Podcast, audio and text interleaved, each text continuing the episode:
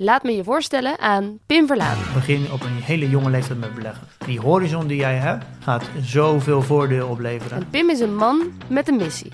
Iedereen veilig en verantwoord leren beleggen. Als je echt iets wil leren, leer het van iemand die één stapje vooruit loopt. Hij legt je uit op welke manieren je kan beleggen. Elke bank heeft eigenlijk zijn eigen beleggingsfonds. Ik hou daar helemaal niet van. Op welke manieren je beter kan beleggen. En hij rekent je voordeel op de euro nauwkeurig uit. 192.000 euro minder rendement. Zelf leren beleggen. Niemand vertelt dit. Pim dus wel. In Jong Beleggen, de podcast. Nou, dat is toch fantastisch?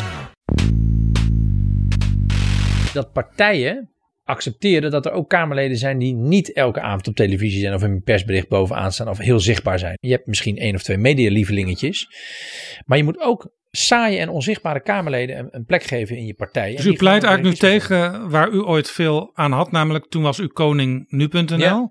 en werd u op nummer 4 van de Ja. Kamerlijst gezet vanwege uw veelvuldige aanwezigheid Ja. in de media.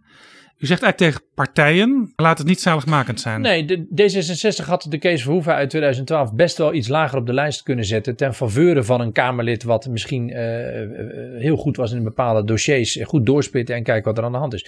Als je alleen maar kijkt naar welk Kamerlid is, is, is voortdurend in beeld. Dat je dan eigenlijk creëert dat elk Kamerlid alleen maar in beeld wil zijn. Dit is Betrouwbare Bronnen met Jaap Jansen.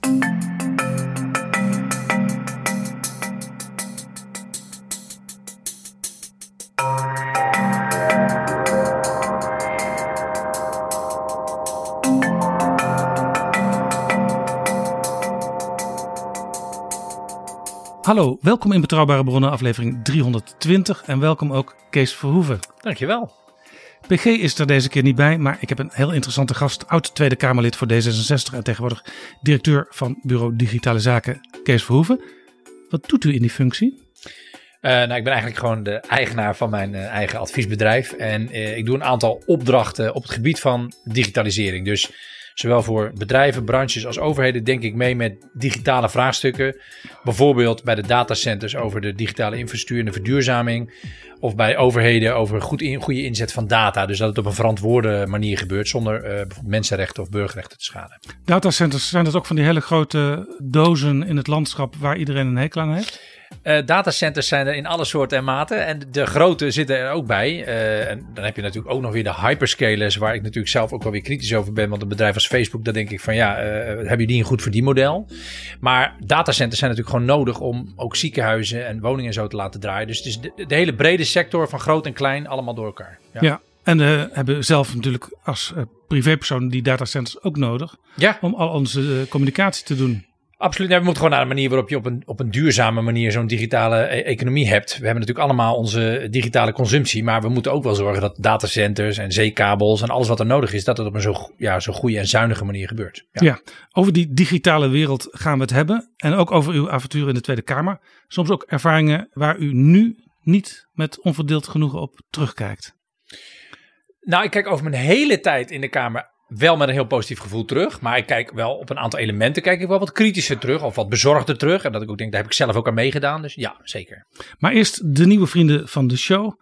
Dat zijn luisteraars die met een regelmatige donatie, groot of klein, altijd fijn, onze podcast helpen te maken. En dat zijn de afgelopen dagen Anne, Margrethe, Robin, Erik, Peter, Maarten, nog een Maarten en nog een Peter.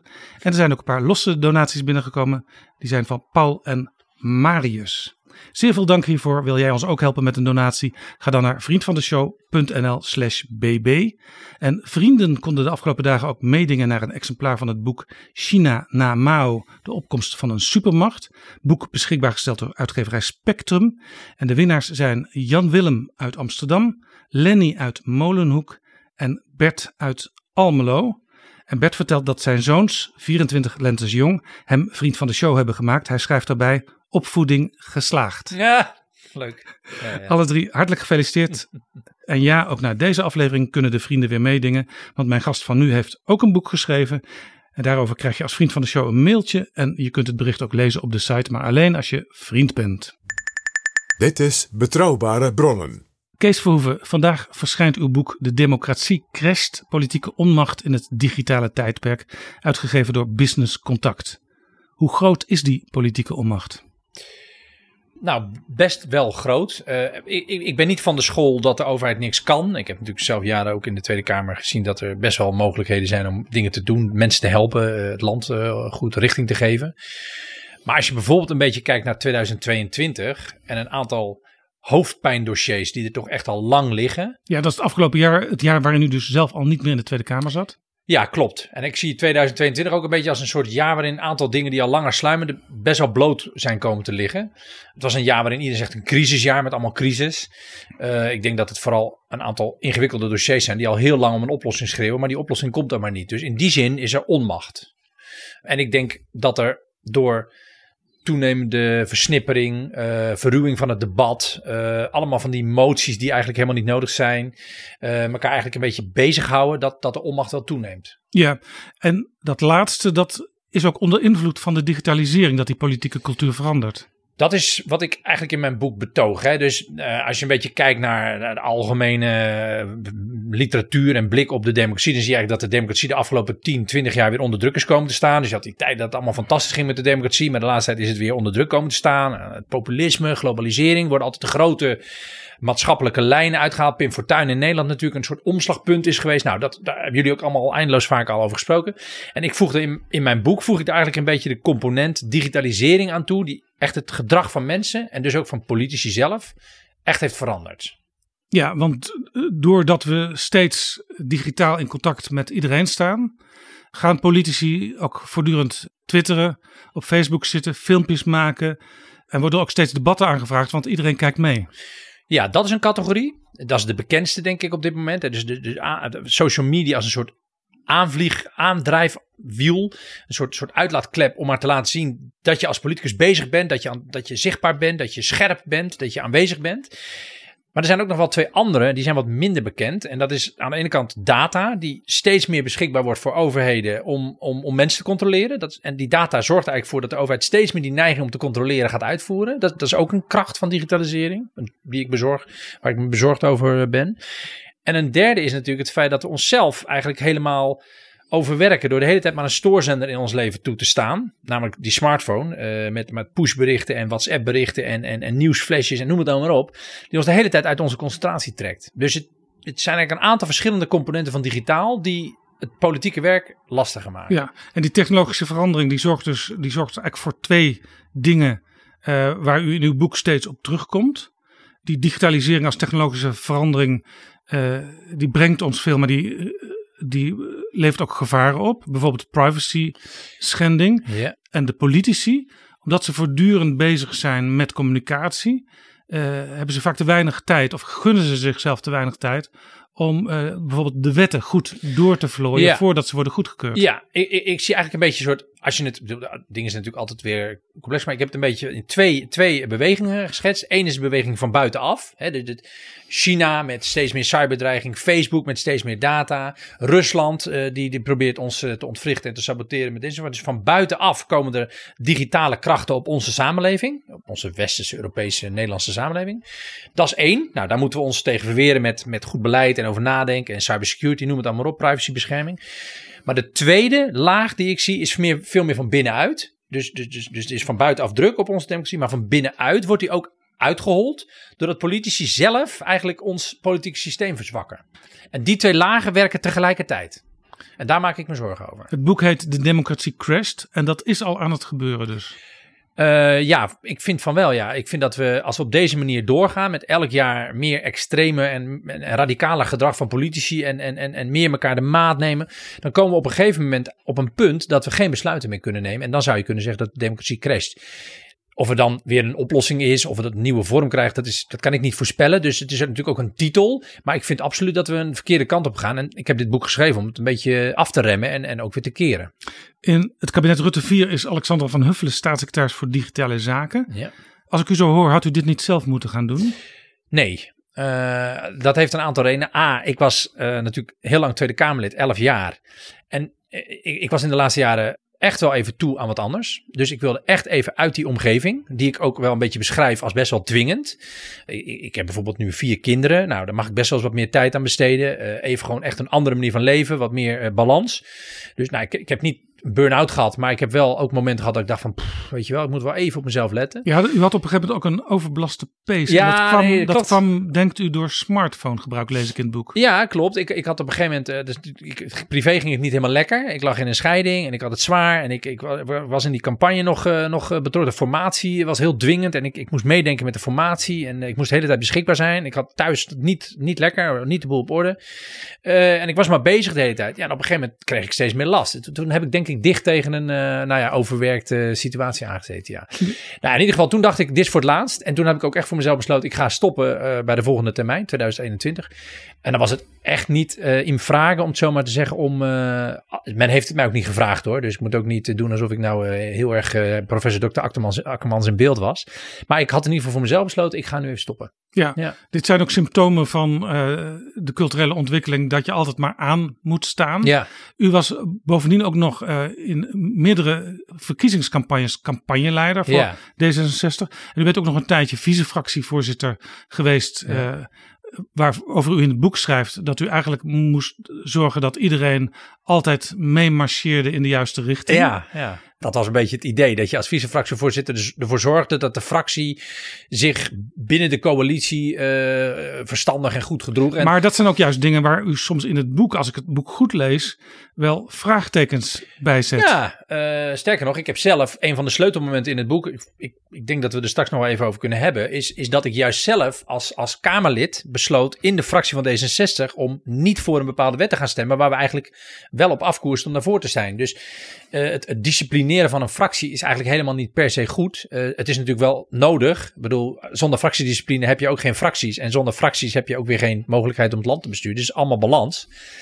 Het is wel grappig, ik hoor heel veel mensen over een kiesdrempel tegenwoordig. Dan denk ik wel eens, ja, als we een kiesdrempel willen, willen we toch ook fractiediscipline. Want een kiesdrempel zonder fractiediscipline is eigenlijk niks. Want dan heb je grotere partijen, maar dan heb je nog steeds allemaal losse mensen. Dus Ja, terwijl Dus vaak diezelfde mensen die van kiesdrempel zijn, ook de fractiediscipline hekkelen.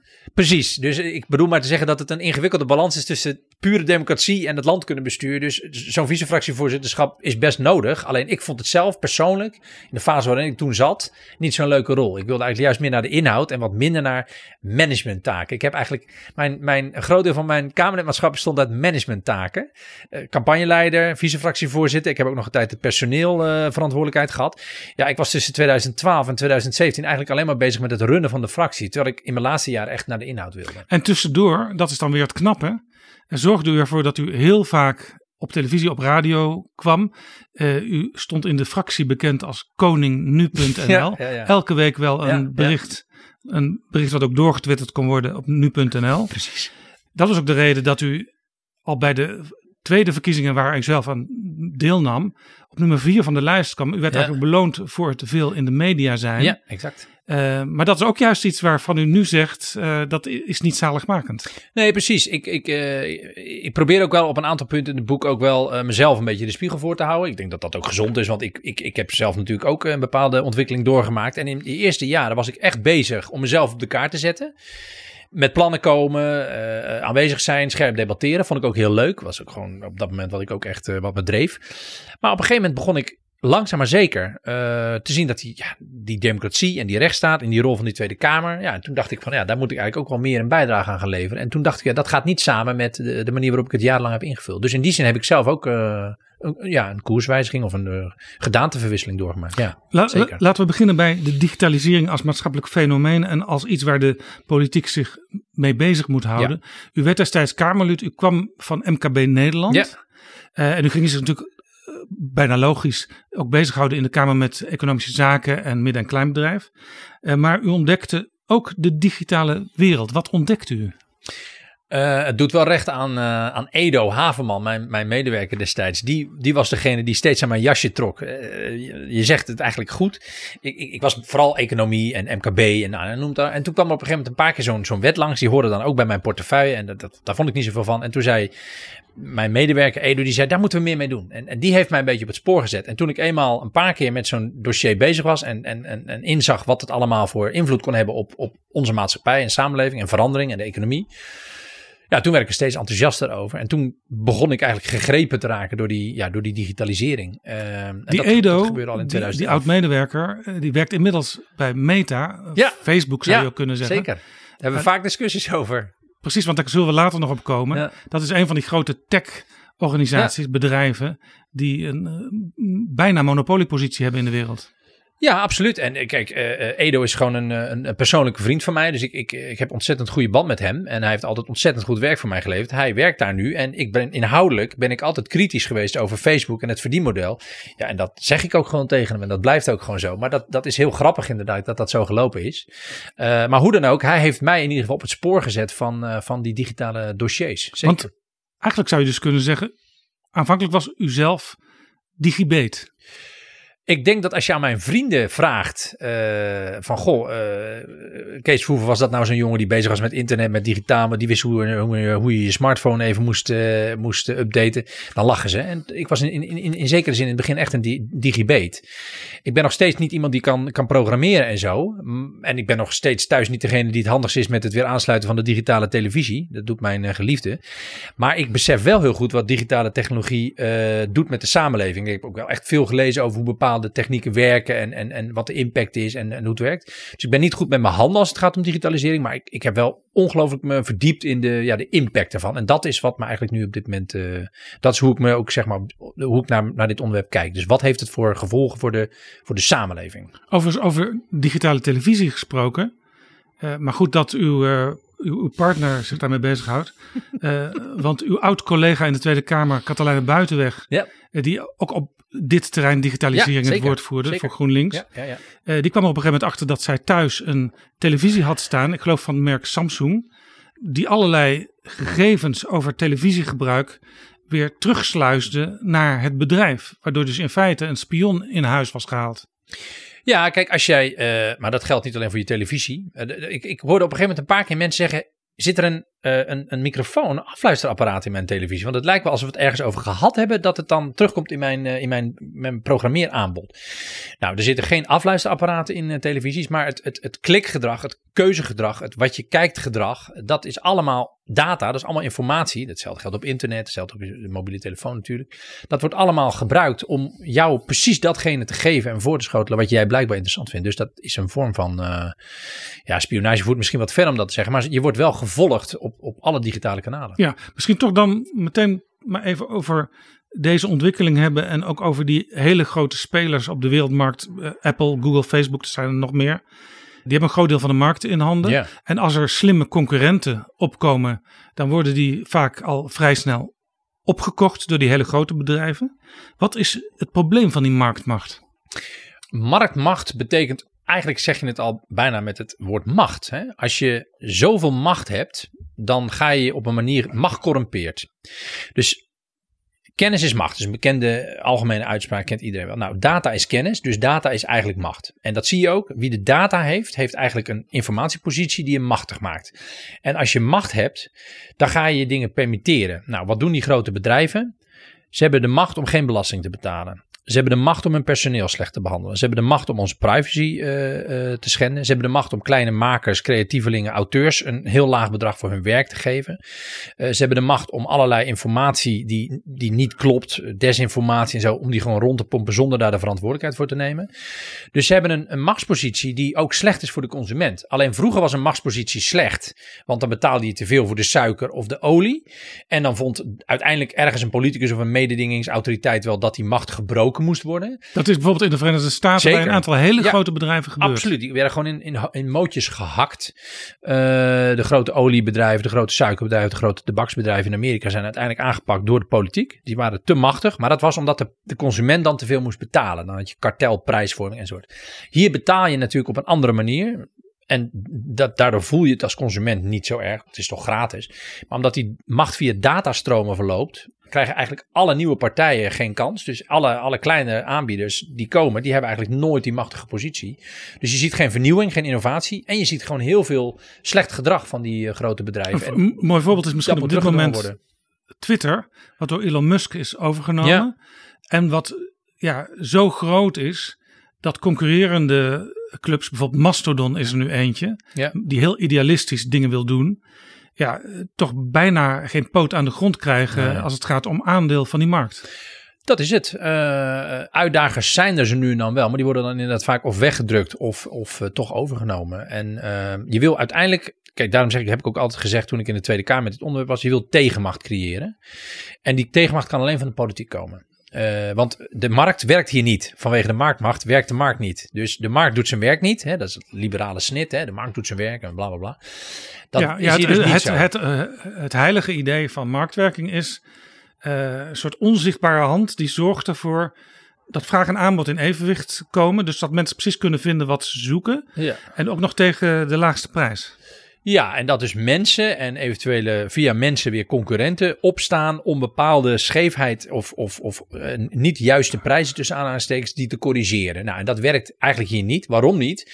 Je kunt niet stemmen met je voeten.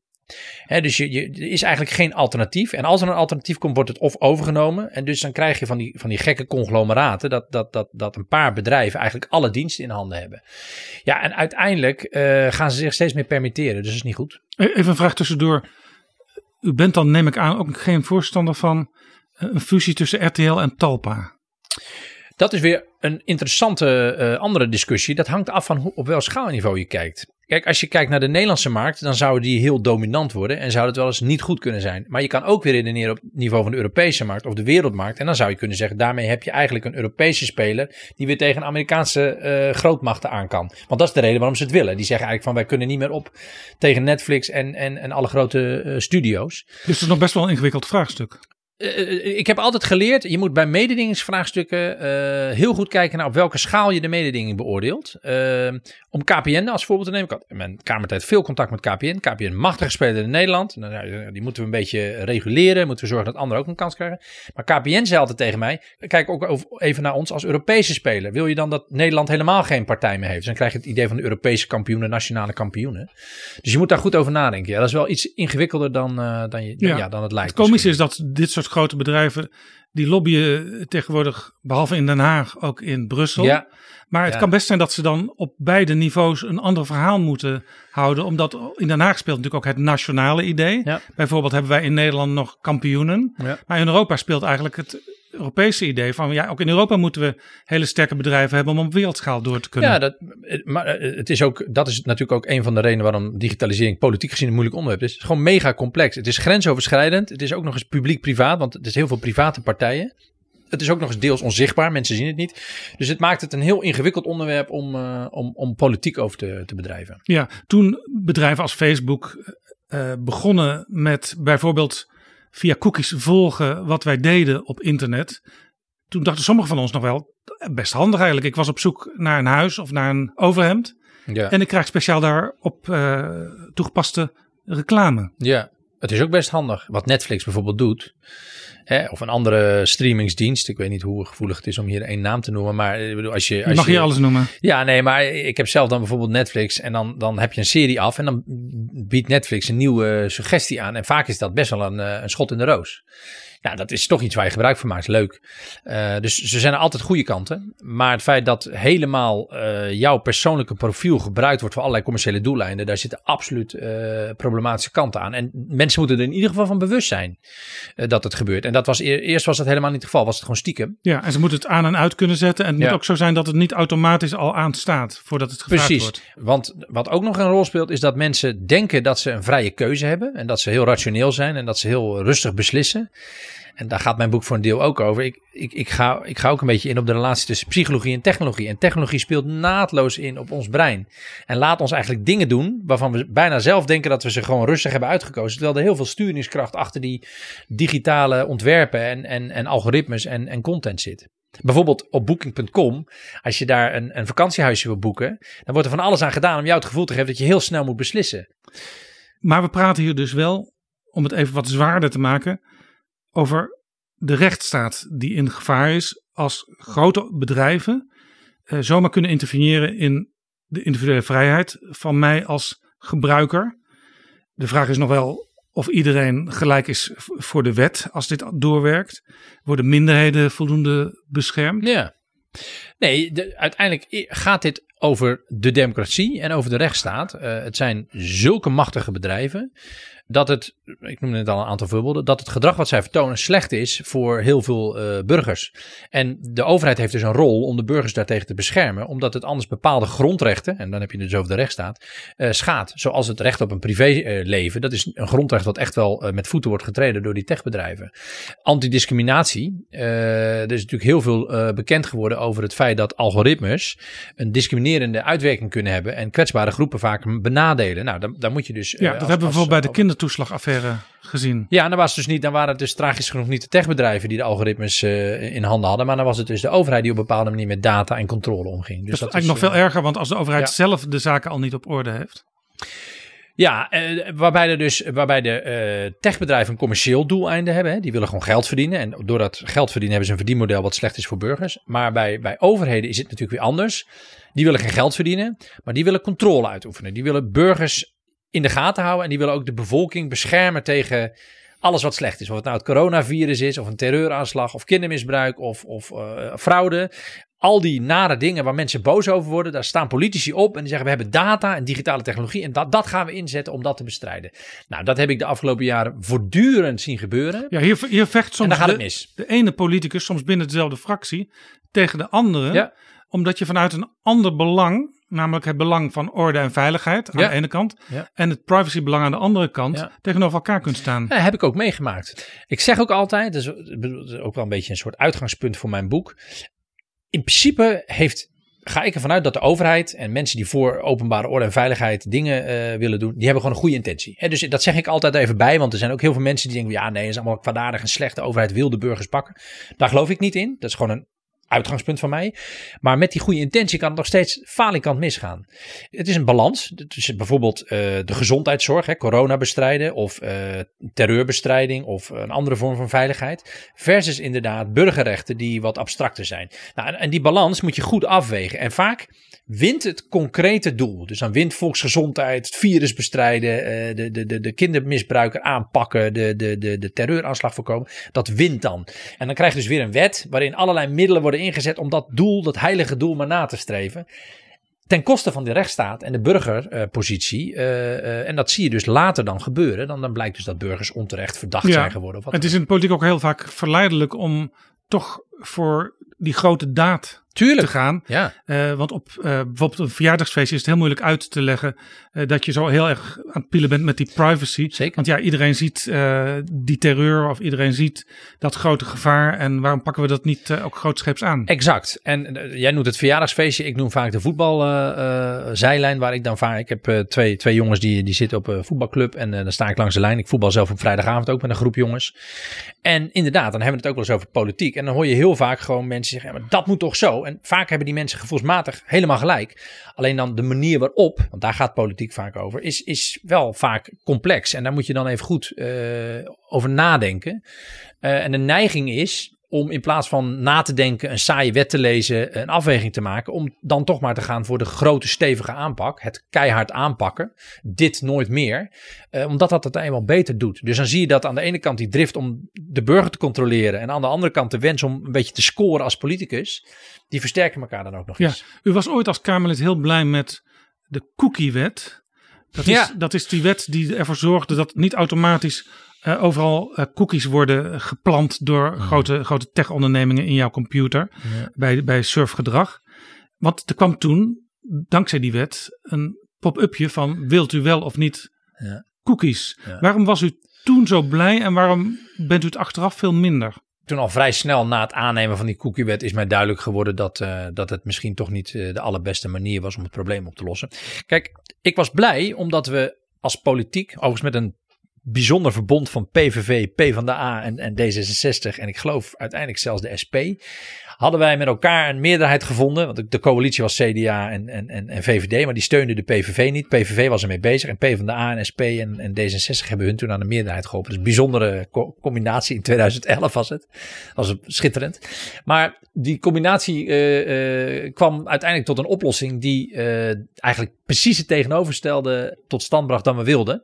Want uiteindelijk begon iedereen iedereen door die pop-ups gewoon gedachteloos die pop-ups weg te klikken. En bleven die cookies gewoon in onze computers komen. Dus het, het, het, het doel werd niet bereikt. Ja. We hebben er wel bewustzijn voor, voor ja, gekregen. En, en volgens mij is het ook zo dat bij sommigen gebeurt het wel, maar bij lang niet allemaal.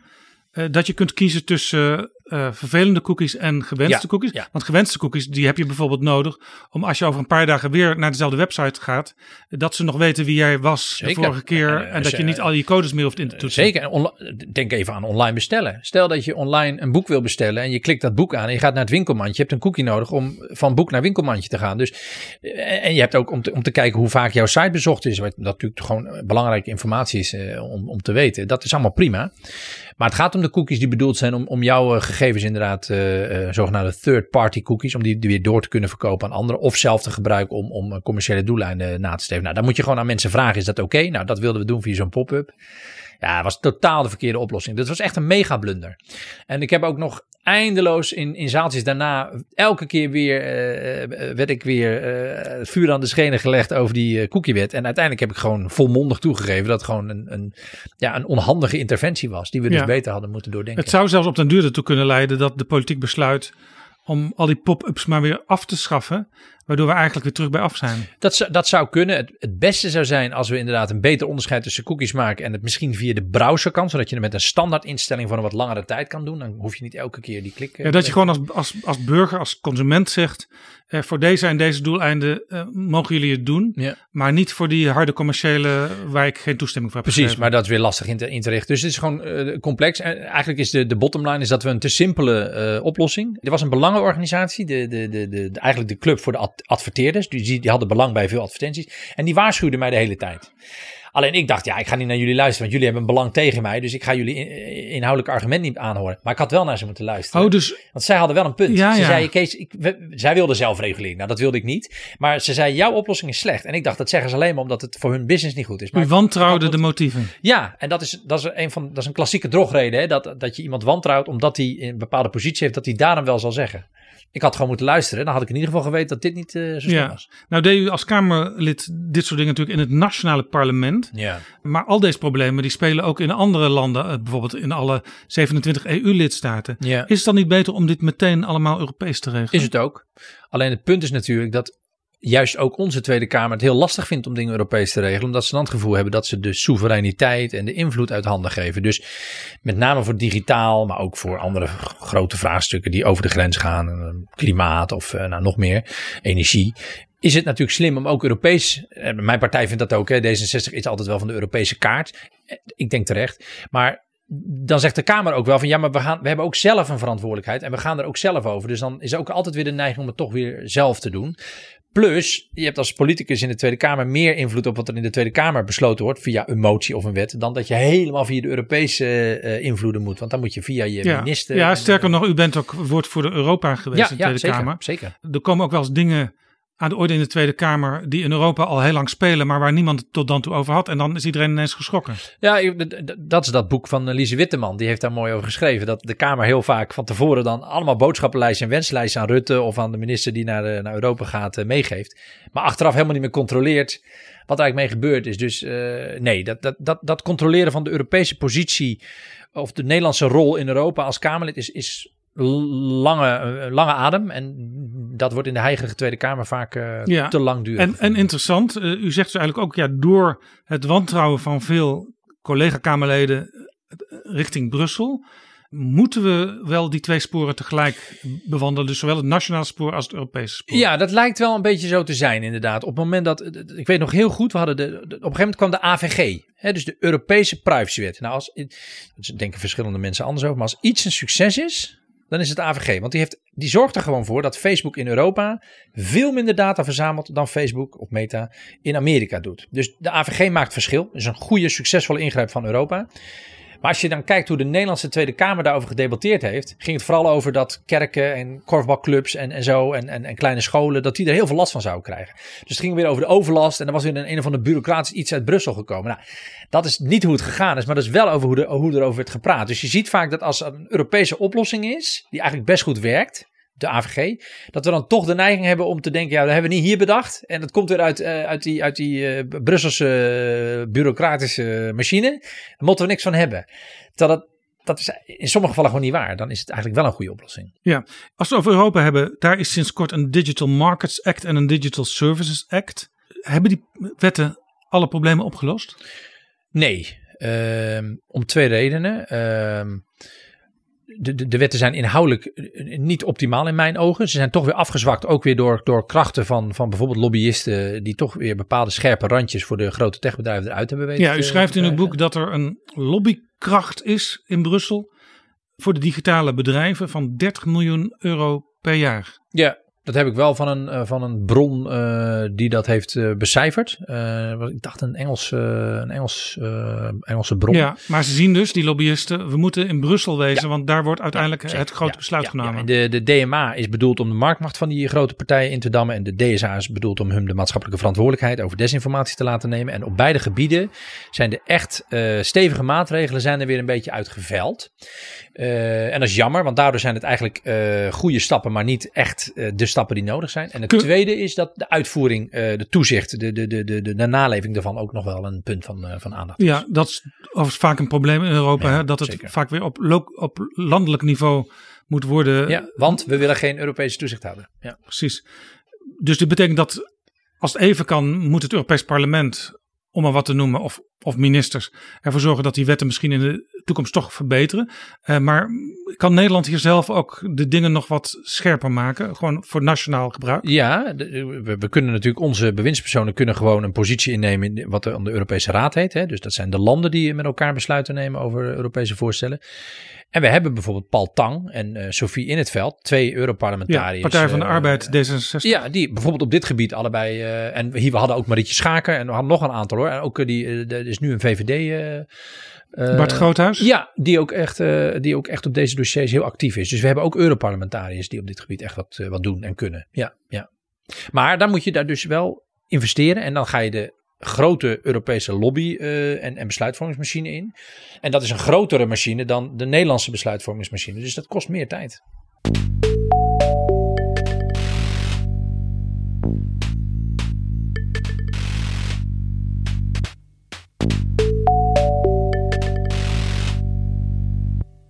We gaan naar een cruciale datum in uw boek. U, u beschrijft dat heel mooi. Dat is 17 december 2020. Ja. Dat was de dag waarop de Tweede Kamer stemde voor de wet gegevensverwerking door samenwerkingsverbanden, de WGS. Ja. Eh, u was tegen met uw partij D66. GroenLinks was tegen de SP, de Partij voor de Dieren, Denk, van Cote Arissen. Dat was dus echt een minderheid. Ja. En op diezelfde dag gebeurde er nog iets. Het rapport kwam uit over de kindertoeslagaffaire. Laten we eerst even kijken naar die WGS, die wet gegevensverwerking door samenwerkingsverbanden. Wat moest die wet regelen en waarom was u daar tegen? Ja, het is dus zo grappig. Die lange naam maakt het al lastig om deze wet te behandelen. Dat is, dat, dat, daar wil ik, dat is een psychologisch iets. Want die wet gegevensverwerking door samenwerkingsverbanden maakt het al lastig om hem uit te spreken. En maakt het dus ook al bijna lastig om er überhaupt aandacht voor te krijgen. Ja. Want mensen denken al van... eh, Ik ben bijvoorbeeld eh, journalist geweest voor BNR Nieuwsradio. Dan, dan mag je itempjes maken die, nou als je heel veel geluk hebt, duren ze drie minuten. Ja. Maar als een wet op zo'n manier wordt aangekondigd, dan kan ik het al bijna bij de eindredactie er niet doorkrijgen. Precies. Laat staan in het hoofd van de luisteraars planten. Exact. Dus ik, ik heb, ik, hij heet dus heel lang. Ik, de afkorting is WGS. Maar ik noem het altijd gewoon de grote datawet. Want het is de grootste datawet die er is. En we moeten dus een manier bedenken überhaupt om het bespreekbaar te maken. Want anders dan zijpelt het gewoon lekker door. Haalt iedereen zijn schouders op, wordt hij voorgestemd. Dat is ook precies wat er gebeurde. Niet alleen door die naam. Maar het heeft daarin meegespeeld. Taal speelt dus ook echt een belangrijke rol in, in dit soort dingen. Dat is heel grappig. Vandaar ook dat afkorting als sleepwet en hekwet. eh, en, en nu die witwaswet is niet zo gek. Want dan hebben mensen in ieder geval een idee, dit, waar gaat dit over?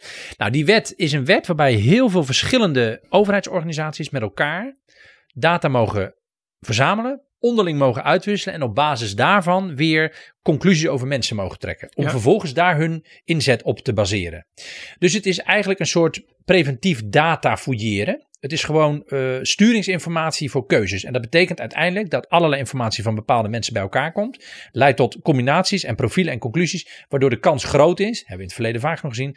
Dat bepaalde kwetsbare groepen weer eerder onder de loep komen te liggen. Ja, dan zie je, hey, dat is frappant. Eh, op deze manier is dit van toepassing, maar ook dat en dat en dat. En dat betekent heel vaak dat dat het gevolg van is. En daar Ja. moeten we eens even goed naar gaan kijken, want eh, dat is fraude. Ja, exact.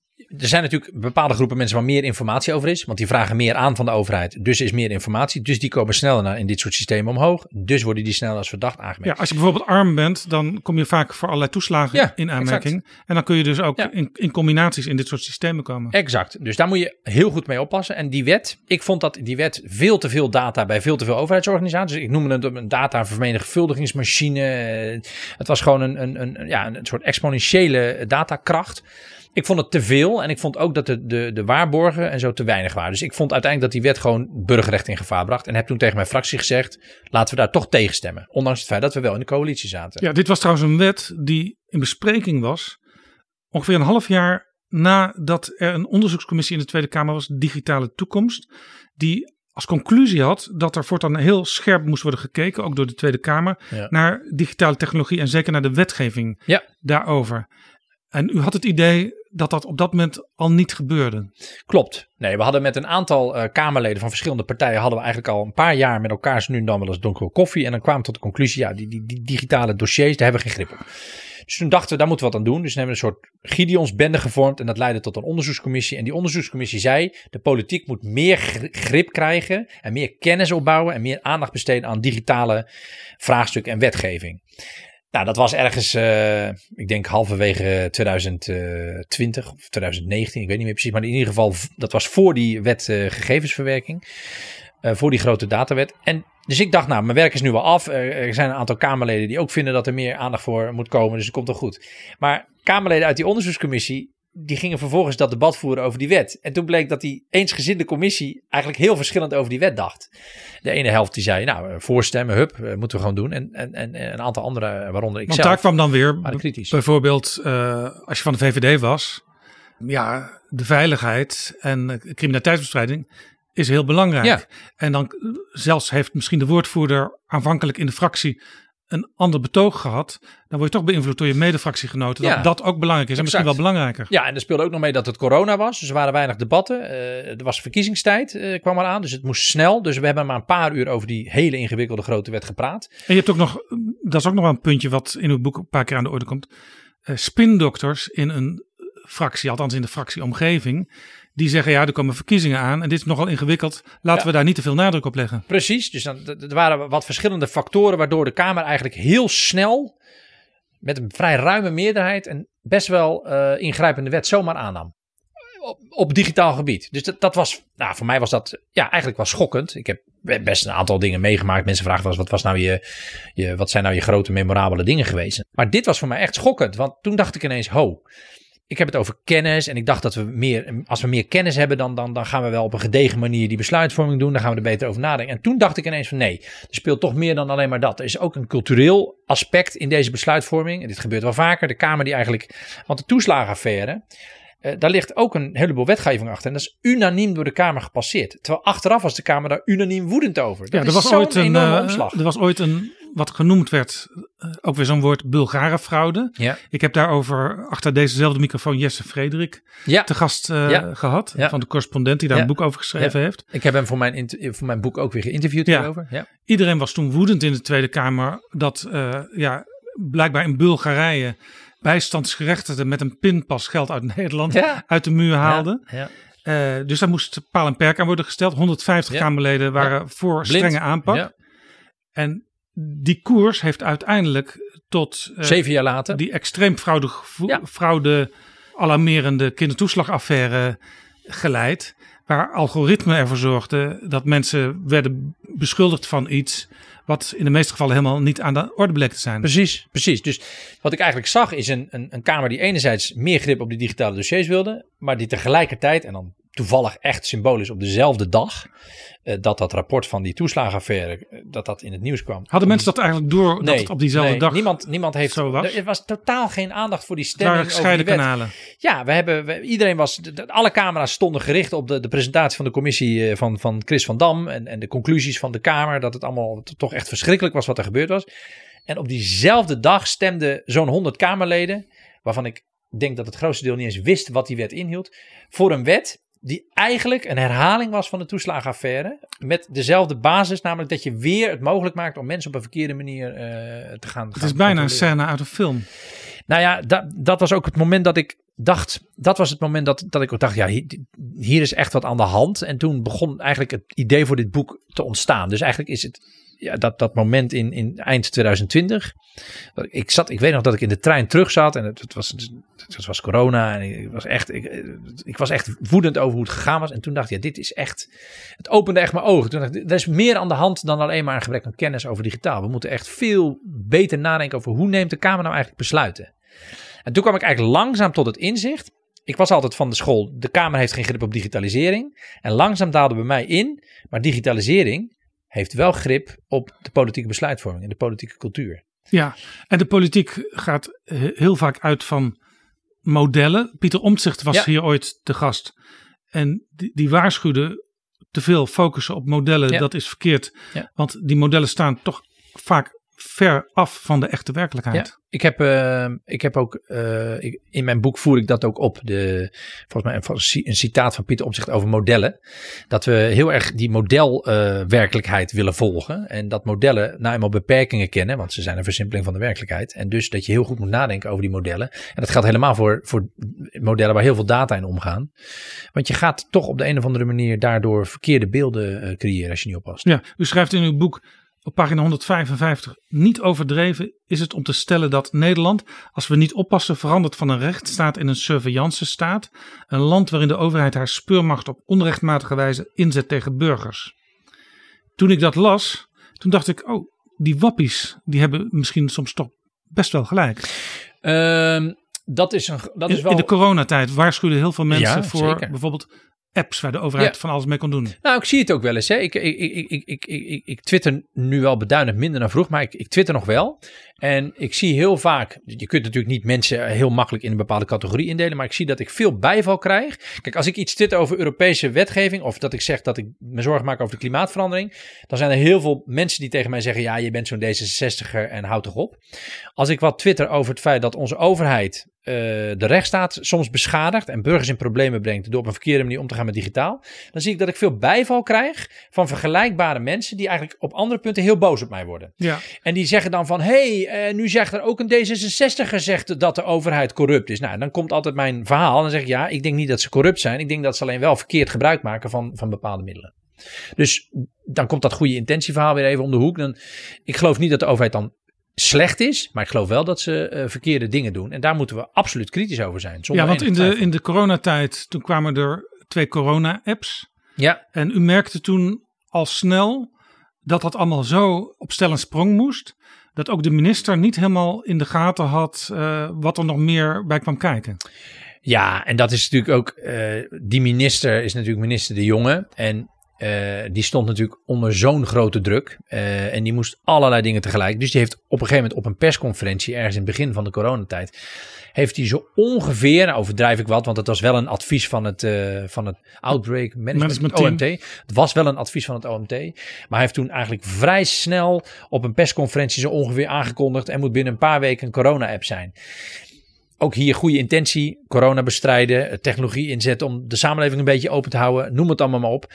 Maar absoluut niet goed genoeg nagedacht over de, de, de keerzijde. Uiteindelijk is dat wel beter geworden, mede door, ja. De, door nou, de, Kamer, is toen, de, de, de, vaak doet de Kamer te weinig aan die tegenmacht, maar dit is een dossier waarbij de Kamer en ook uh, wetenschap en, en toezichthouders en de Raad van State collectief op de rem zijn gaan staan. En hebben gezorgd dat in plaats van drie weken een half jaar duurde. En er uiteindelijk een acceptabele app uitkwam.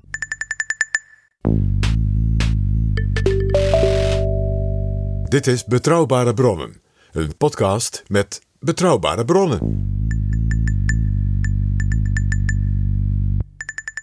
Laten we even luisteren naar Piet Hein Donner. Want in 2011, toen was hij minister, toen werd DigiNotar gehackt.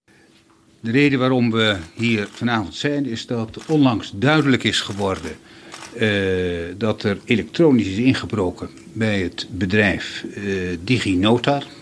Uh, daar zijn frauduleuze certificaten in omloop gekomen. En die certificaten zijn nodig om het internetverkeer veilig te laten verlopen. Dat betekent dat de gebruiker van overheidssites niet langer de garantie heeft dat hij daadwerkelijk op een site van de overheid zit en de door hem gekozen site terechtkomt.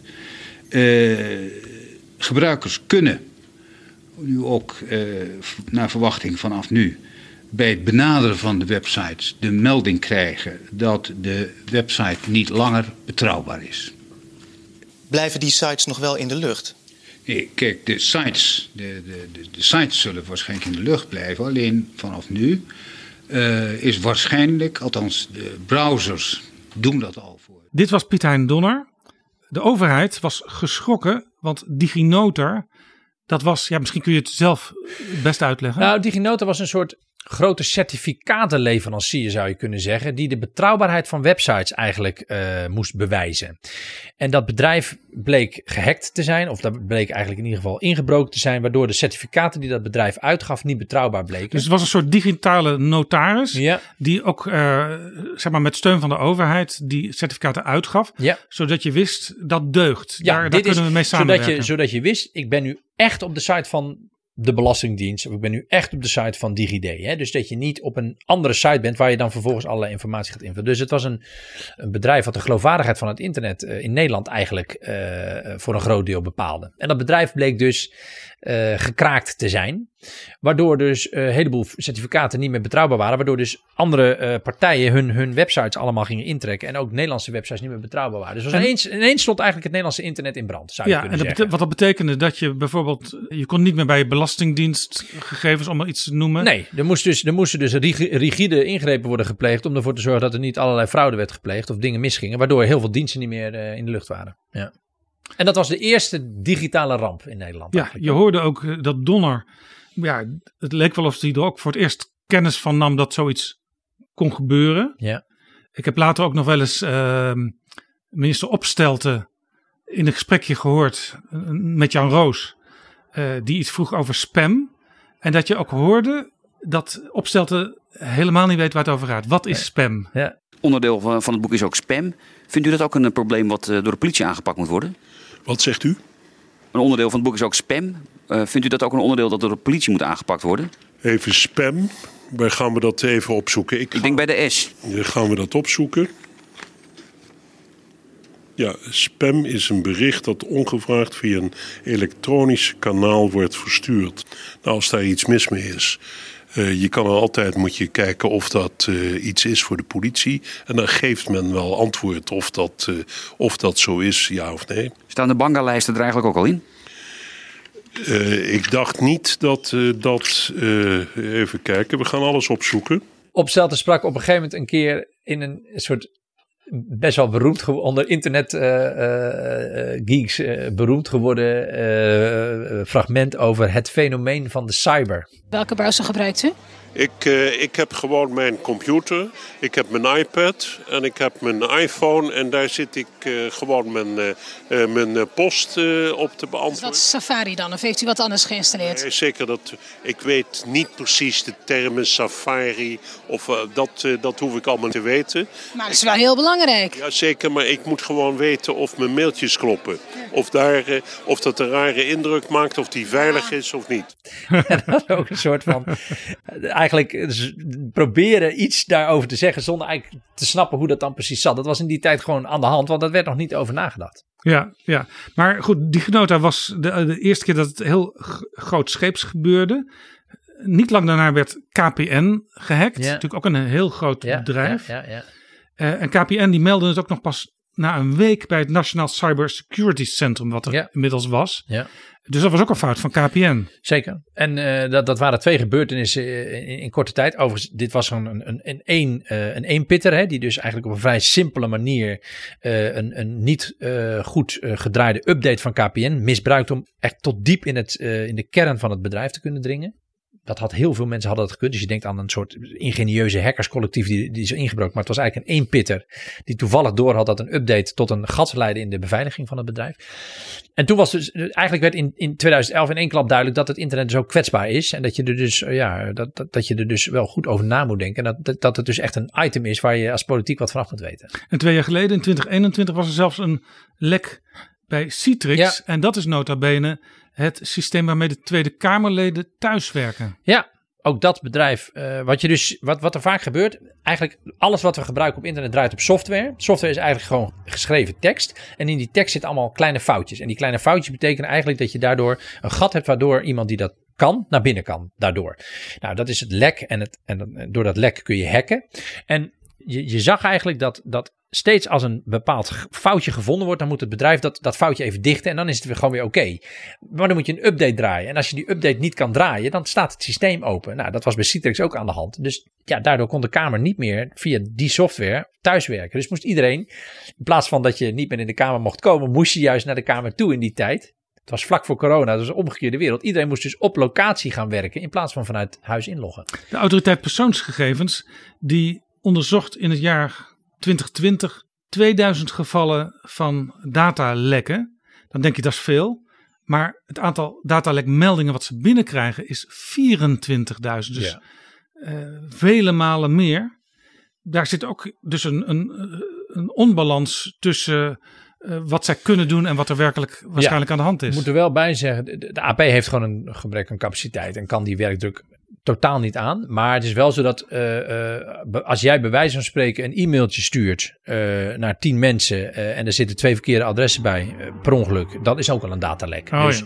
er, zit, er zit wel, laten we zeggen dat het de helft of een kwart is, maar nogmaals, ze kunnen heel veel Ja, ja, je zou bijna de grap maken dat de autoriteit persoonsgegevens met behulp van een algoritme dat kan scheiden dan van elkaar. Nou ja, de, de autoriteit persoonsgegevens is in ieder geval niet in staat om alle problemen die, die, die ze moeten oplossen op te lossen. Nee, u heeft dus een motie ingediend dat er meer geld moest Ja, gaan ja. naar. Daar, daar waren ze trouwens in uw eigen eh, partij niet blij mee met die motie, Eh, dat weet ik niet. Ik, ik dacht dat die ongedekt was. Ja, nou ja, daar wordt altijd over eh Een ongedekte Kamerlid emoties. moet altijd, als die motie indient waar geld mee gemoeid is, zeggen: Oké, ik wil zoveel miljoen extra. Ja. En dat gaat ten koste van iets anders wat zoveel miljoen Ja. minder krijgt dan. Ja.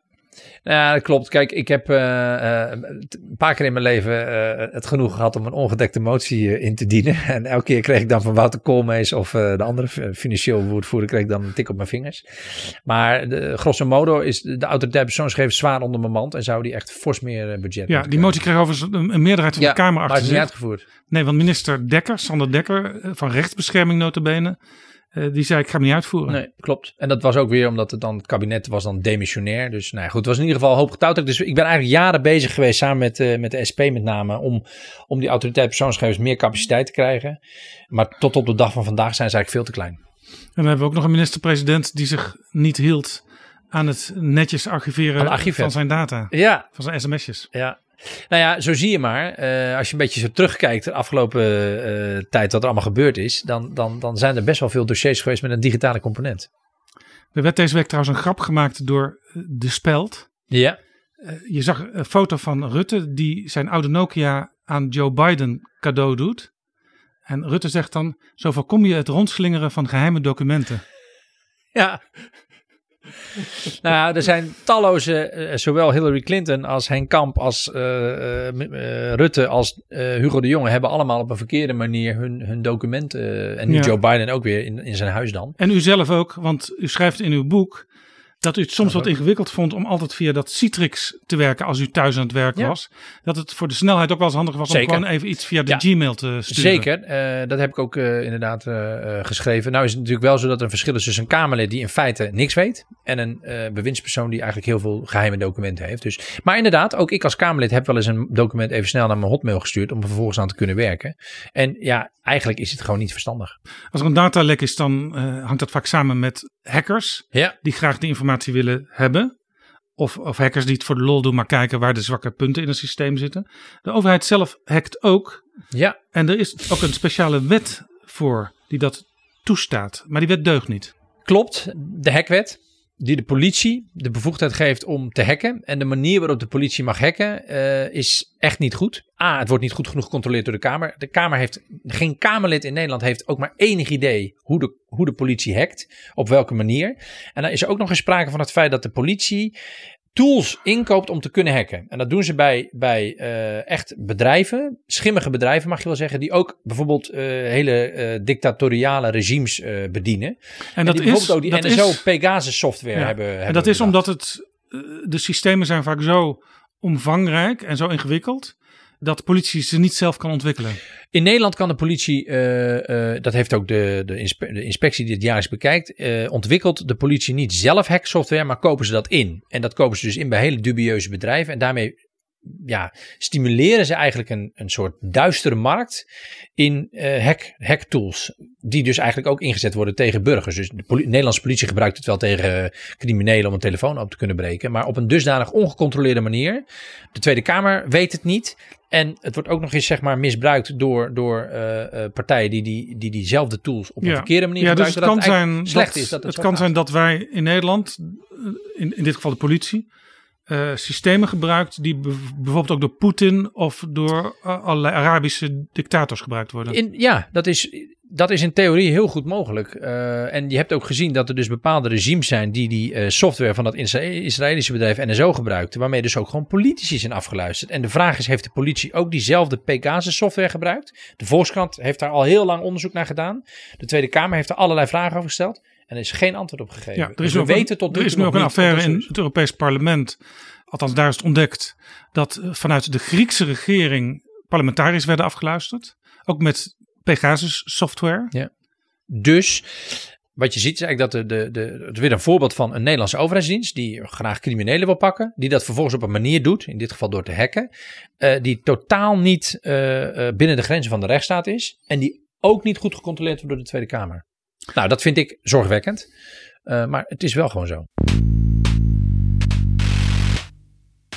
We hadden het even eerder in dit gesprek over die wet met die hele lange naam, over ja. die gegevensverwerking. Ja, ja, ja. Uh, u stemde daar toen tegen, maar uiteindelijk stond u ook ja, erbuiten, want u hoorde niet bij de meerderheid. Twee jaar eerder bewandelde u een ander pad. Dat was bij u, u, noemde het al even, de sleepwet. De sleepwet. Dat was ook een woord wat door u gebruikt werd in de Tweede Kamer. Ja. Een lekker catchy woord. Ja. Want ja, het ging erover dat uh, er heel veel dingen uh, door de overheid worden binnengesleept. En ja, dan vang je altijd wel iets. Ja. En u zei, uh, dat is veel te ongericht. Ja. En dus slecht voor de privacy. Ja. ja, ik denk dat de sleepwet werd behandeld vlak voor de verkiezingen in 2017. En uh, wij hadden daar echt wel goed uh, naar gekeken. En die wet was complex en die moest vernieuwd worden. Want de vorige wet was te oud. En de diensten deden allemaal al dingen waar geen wettelijk kader voor was. Nou, moest een nieuwe wet komen. En die wet ging te ver. En met name dat, dat grootschalig data verzamelen was een mogelijkheid in die wet. En daar heb ik toen als Kamerlid uh, hebben we tegen gestemd. Dus D66 was tegen die wet. Ook die werd ruimschoots aangenomen met een meerderheid van meer dan 100 uh, kamerzetels. En toen heb ik inderdaad niet mezelf vervolgens buiten die uh, discussie gehouden en gewoon gezegd: wij waren tegen, uh, klaar. Nee, want Jammer. Uw, uw, partij ging mee formeren ja, in precies, de kabinetsformatie. Precies, precies. Toen dus u zat aan tafel op een gegeven moment zelfs weer met een minister die mede verantwoordelijk was ja, voor die wet, ja, Janine Hennis. Zeker. Ja. Die minister van Defensie was. Nou, ik baalde zo van die, van die sleepwet en ik, we hadden dan tegengestemd en we hadden uh, dat verloren. En toen kwam dus die formatie en toen dacht ik, nou, kunnen we misschien via, de, via het regeerakkoord nog een paar dingen in ieder geval opnemen over die sleepwet. Redden wat er te redden valt. Redden wat er te redden valt. En nou, dat kreeg ik voor elkaar. Dus er kwam een passage in het regeerakkoord. Inderdaad, samen met Janine Hennis, die toen en Kamerlid en demissionair minister was. Ik heb nog na moeten zoeken hoe dat werkte, maar dat kon dus inderdaad in die tijd. Dus zij was toen de demissionair minister van Defensie, maar tegelijkertijd weer opnieuw gekozen Kamerlid en dus aan het formeren namens de VVD. Dus ik met haar op het ministerie van Defensie gewoon heen en weer gepraat en uiteindelijk geprobeerd een tekstje in het regeerakkoord te krijgen. Dat is gelukt, was ik heel blij met maximale haalbare eruit. Maar vervolgens werd dat referendum in gang gezet door, Ja. vijf studenten. Een aantal studenten die Ja. bedachten, daar moet een referendum over Ja. komen. Dat kon toen nog. Ja, zeker. Door die, ook weer door D66. eh, en toen natuurlijk. werd u de gebeten hond. Zeker. Want Arjen Lubach, die maakte zelfs een heel item Ja. over Kees Verhoeven. Ja. Daar gaan we nu even naar luisteren, naar een klein Ja, stukje daarvan. ja. En dan is er ook nog het zogenaamde sleepnet, waarmee communicatie van onschuldige mensen kan worden onderschept. En er zijn nog veel meer bezwaren. Eh, D66-Kamerlid Kees Verhoeven die had er vorig jaar zelfs 21. 21 bezwaren, maar er is niks mee gedaan. Zou je denken, Kees boos? Maar nee, want de partij van Kees, D66, zit inmiddels in de regering en is nu voor de wet. En dat doet me pijn om te zeggen, maar Kees is Kees niet meer. Kijk, dit was Kees vroeger. Voorzitter, geen sleepnet, daar begin ik mee. Ik heb afgelopen jaren en zeker de laatste weken gezien hoeveel mensen vrezen voor een sleepnet. Een sleepnet? Voor een sleepnet van een sleepnet. En in de volksmond heet dat dan een sleepnet. Ja, en dit is Kees nu. Ik wil graag een inhoudelijk debat over deze wet. Laten we beginnen met de juiste naam voor deze wet. Het is de Wet op de Inlichting en Veiligheidsdiensten, de WIF. Het vraag van het referendum gaat niet over een sleepnet of een sleepwet. Het gaat over die hele wet, of je daarvoor of tegen bent. In dus alle frames en andere onjuistheden in het debat zou ik vanaf nu graag niet meer willen horen. Ik mis de oude Kees. Kees, jongen, waar ben je? Dit moet toch wel heel pijnlijk zijn. Je doet eerst eh, heel erg je best om iedereen te overtuigen. Er komt iets gruwelijks aan, een sleepwet. Ja.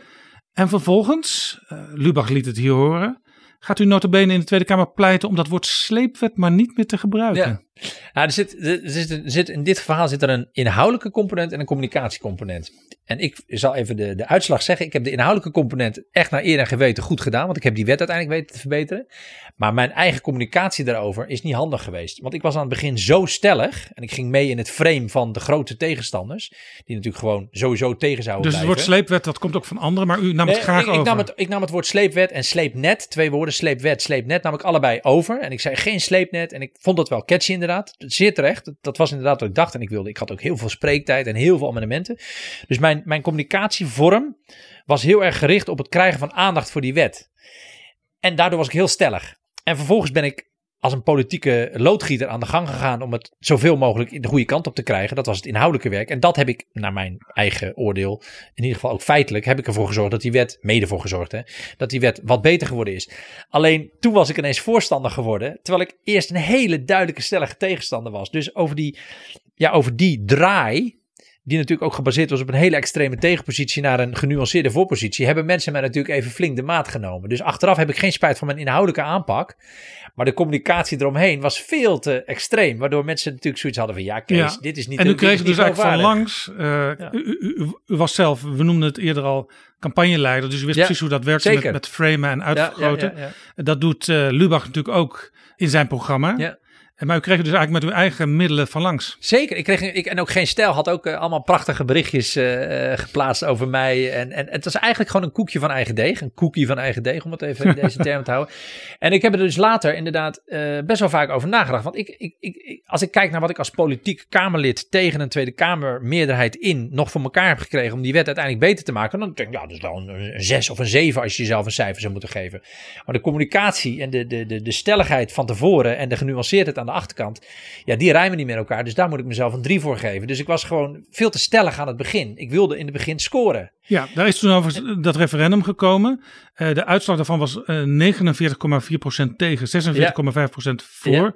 Dus een beetje, ja, bijna 50-50. Eh, nou, wel te- de, de tegenstanders waren groter dan dat de voorstanders. Moeten we wel. Eh, eh, u heeft door het loodgieterswerk nog wat verbeteringen kunnen, kunnen maken. Ja. Een van de dingen die u ook wilde, daar bent u niet in geslaagd. Namelijk, we moeten om de zoveel jaar moeten we de wet evalueren. Hij is geëvalueerd, hè? en wat is eruit gekomen? Nou, uit de evaluatie is gekomen, dat is ook de tragiek van politiek. De evaluatie heeft er eigenlijk toe geleid dat het kabinet nu juist weer met een voorstel komt om de bevoegdheden voor de diensten weer te gaan verruimen. Dus ik wilde een snelle evaluatie. Dat is niet helemaal gelukt, dus daar had u gelijk in. Maar uiteindelijk is er wel relatief snel een evaluatie gekomen. In eh 2000, eind 2020 lag die evaluatie er. En die evaluatiecommissie die heeft eigenlijk gezegd we moeten toch weer een aantal bevoegdheden gaan verruimen. Nou goed, dat, dat, dat heeft er dus toe geleid dat er nu binnenkort weer een nieuwe eh, Ja, variant van de Dus, wet dus eh, de wet komt weer wat verder af te staan als dat doorgaat van wat u destijds beoogde. Ja, de route die de wet doorlopen heeft, als ik de wet een cijfer zou moeten geven. Eerst was het een, een 3 of een 4. Vervolgens werd het een 6 via het regeerakkoord. Dan net kon het. Nou, vervolgens is hij zelfs aangepast inhoudelijk. En hebben we het wel eens een keer een 8 genoemd. Laten we zeggen een 7. En nu dreigt hij weer naar een onvoldoende terug te zakken. Ja. En ik kan iedereen aanraden een podcast die een tijdje geleden is gemaakt door eh Volkskrant-redacteur Gustav Bessems. Ja.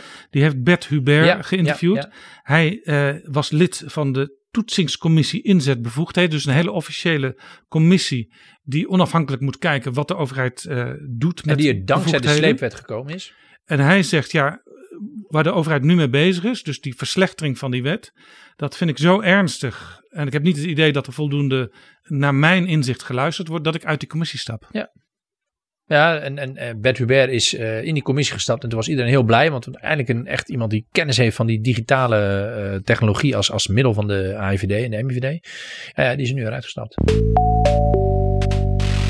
Dit is Betrouwbare Bronnen. Laten we eens gaan kijken naar de invloed van digitalisering op de politieke cultuur. Ja.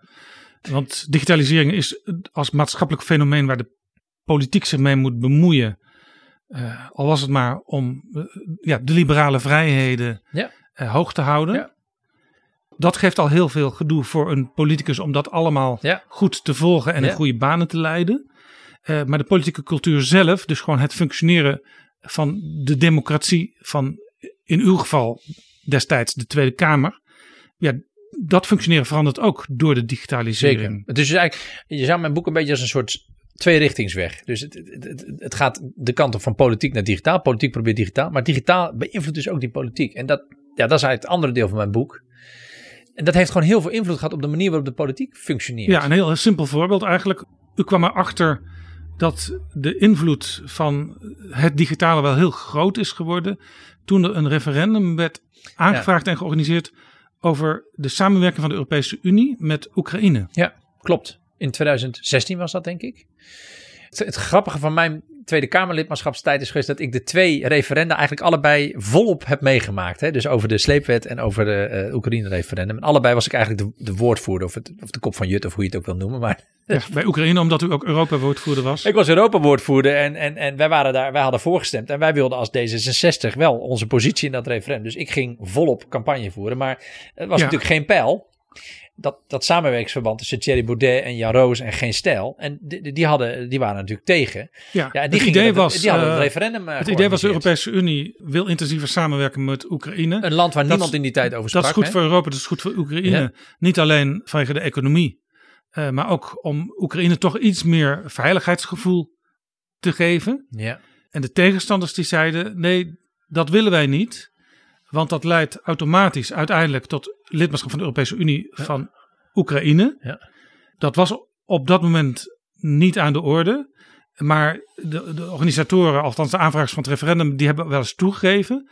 Wij pakken alles waar, waar we enigszins het stempeltje Europese Unie op kunnen zetten. Want we weten dat heel veel Nederlanders daar vraagtekens bij zetten. Zij wisten Ja, ja. ook dat uh, als je maar over Europa begint, dan wordt het al gauw ingewikkeld. En Ja. dan denken mensen, dat wil ik niet. In die zin is het ook een speling van het lot geweest. Want eh, dat heeft inderdaad, de, de initiatiefnemers hebben dat toen, eh, van het burgercomité volgens mij, hebben dat toen inderdaad ooit toegegeven in een interview net voor het einde van de, van de campagne. En was iedereen toen heel boos over. Die zei, ja, het maakt ons niet uit of het nou over welk land het gaat, als we die Europese Unie maar eh, kunnen pakken. En het was dus toevallig het Oekraïne-referendum wat ze hebben gepakt. En als je dan nu ziet, in de loop van de geschiedenis, wat er nu met Oekraïne en, en Europa en, en Rusland aan de hand is, dan is het natuurlijk wel bizar dat we destijds op die manier over dat land dat, dat, dat referendum Ja, hebben dat gehad. burgercomité, dat was trouwens weer van, in belangrijke mate het huidige eh, Tweede Kamerlid. Pepijn van Houweling. Ja, precies. Van voor Democratie. Zeker. En, en eh, dus je had Thierry Baudet, die er met zijn forum eh, bij was. Toen was het nog een, een, een denktank. Je had Jan Roos, die bij Geen Stijl slash Geen Pijl de, de, met zijn matrozenhoedje de, de man was. Die was later nog een tijd eh, VNL voor Nederland lijsttrekker. En inderdaad Pepijn van Houwelingen, die nu de Kamer is geweest. Dus, Ja. Maar dat, dat, dat, dat verbond was inderdaad daarmee bezig. En die hebben op een ja, bijna eh, geniale manier, zou je kunnen zeggen, hebben ze dat referendum aan een Ja, meerderheid geholpen. Er waren 300.000 handtekeningen Ja, tenminste ja. nodig om het referendum überhaupt te kunnen aanvragen. Iedereen dacht kansloos. Ja, want het moest ook nog eh, schriftelijk worden ingediend.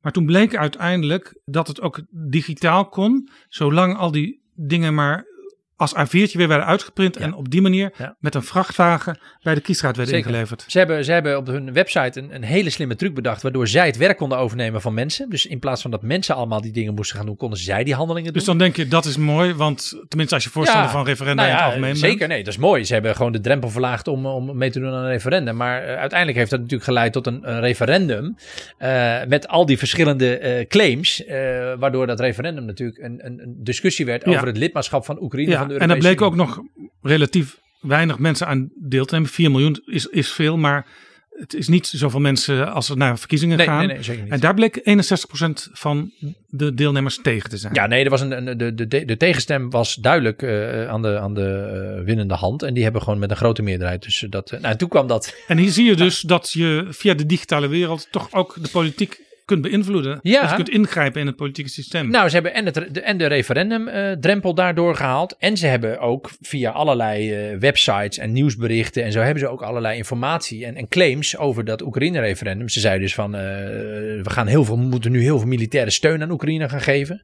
Eh, ze worden lid van de Europese Unie. Eh, terwijl dat op dat moment gewoon absoluut niet waar was. Dus uiteindelijk hebben we het opgelost door te zeggen: dit gaan we niet doen. En vervolgens was dat in hun ogen natuurlijk weer schandalig uh, inlegvel. En nu zie je dat door de loop van de geschiedenis, totaal los van het referendum, we, we een relatie hebben met Oekraïne waarvan iedereen eigenlijk zegt: we moeten dat land steunen. En, en gek genoeg, de, de vrees van een aantal mensen die tegen waren, die is wel bewaarheid, maar op een totaal andere manier dan via dat verdrag. Ja. Dus het is een absurd verhaal eigenlijk. Ja, en u noemde al geen stijl dat destijds heel invloedrijk was. Ja. Twitter was al heel belangrijk toen. Ja, ja. Uh, zij gebruiken natuurlijk ook Twitter heel erg. Ja. Uh, nou ja, we hebben het allebei veel gebruikt. Ja. Maar uiteindelijk, ook dat is weer een voorbeeld eh, van de digitalisering, zijn dus ook voor een deel echokamers waarin mensen dingen horen die ze heel graag willen horen. Of dingen die ze juist niet willen horen. En daar worden ze dan boos over en dan gaan ze een ruzie over maken. En ik zelf heb drie jaar bij een talkshow gewerkt.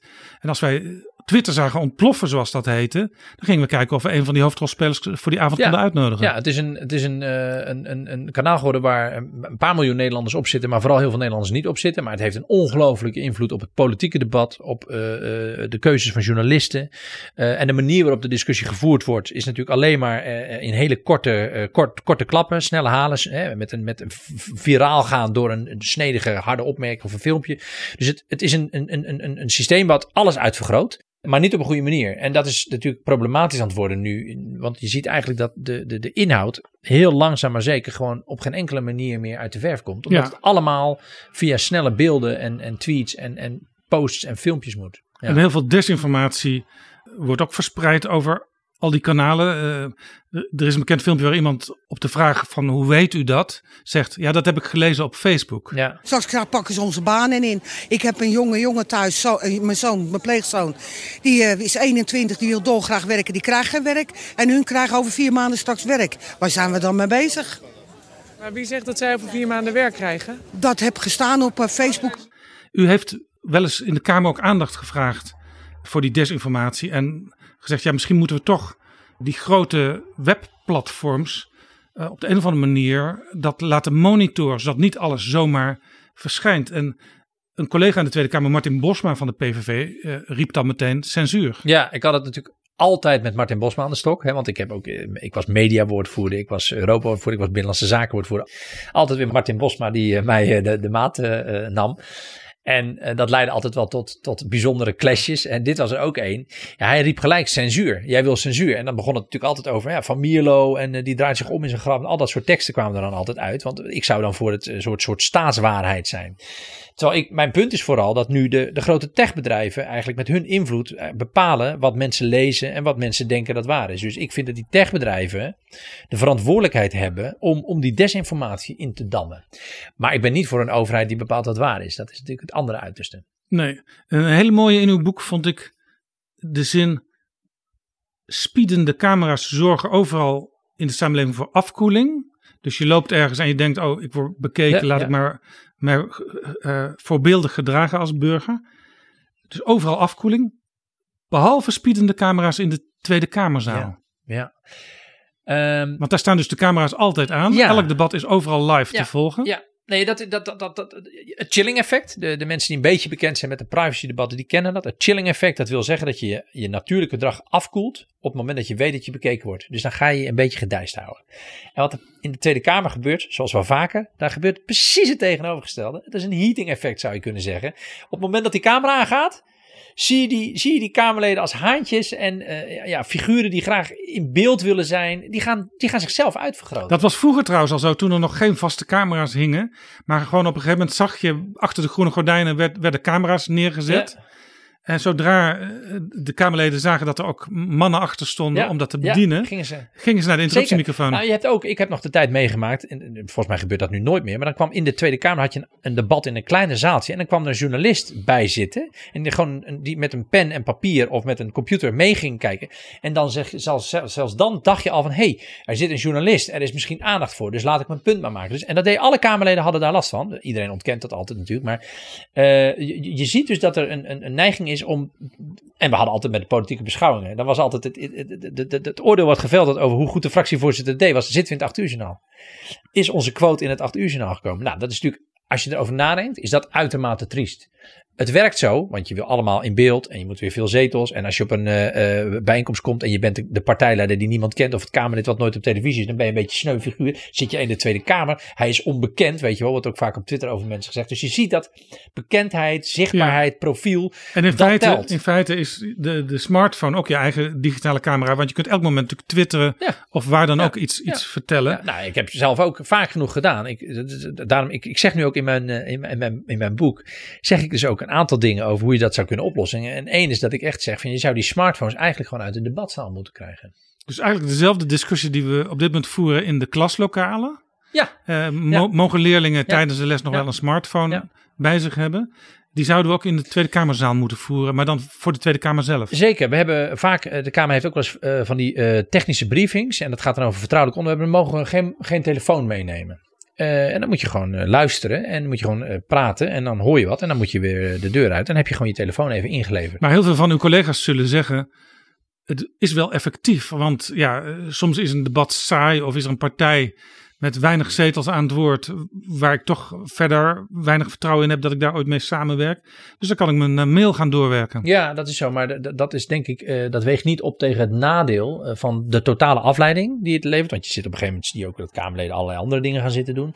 Het feit dat je daardoor ook niet meer luistert naar wat een ander zegt. Het feit dat je eigenlijk de hele tijd bezig bent met andere dingen. En dat je dus de hele tijd een, middel hebt om jezelf, jezelf in de spotlight te zetten, vind ik belangrijker. Dus ik zou eigenlijk wel voorstander zijn. Lever die, lever die telefoons maar gewoon in. En de camera's die er hangen?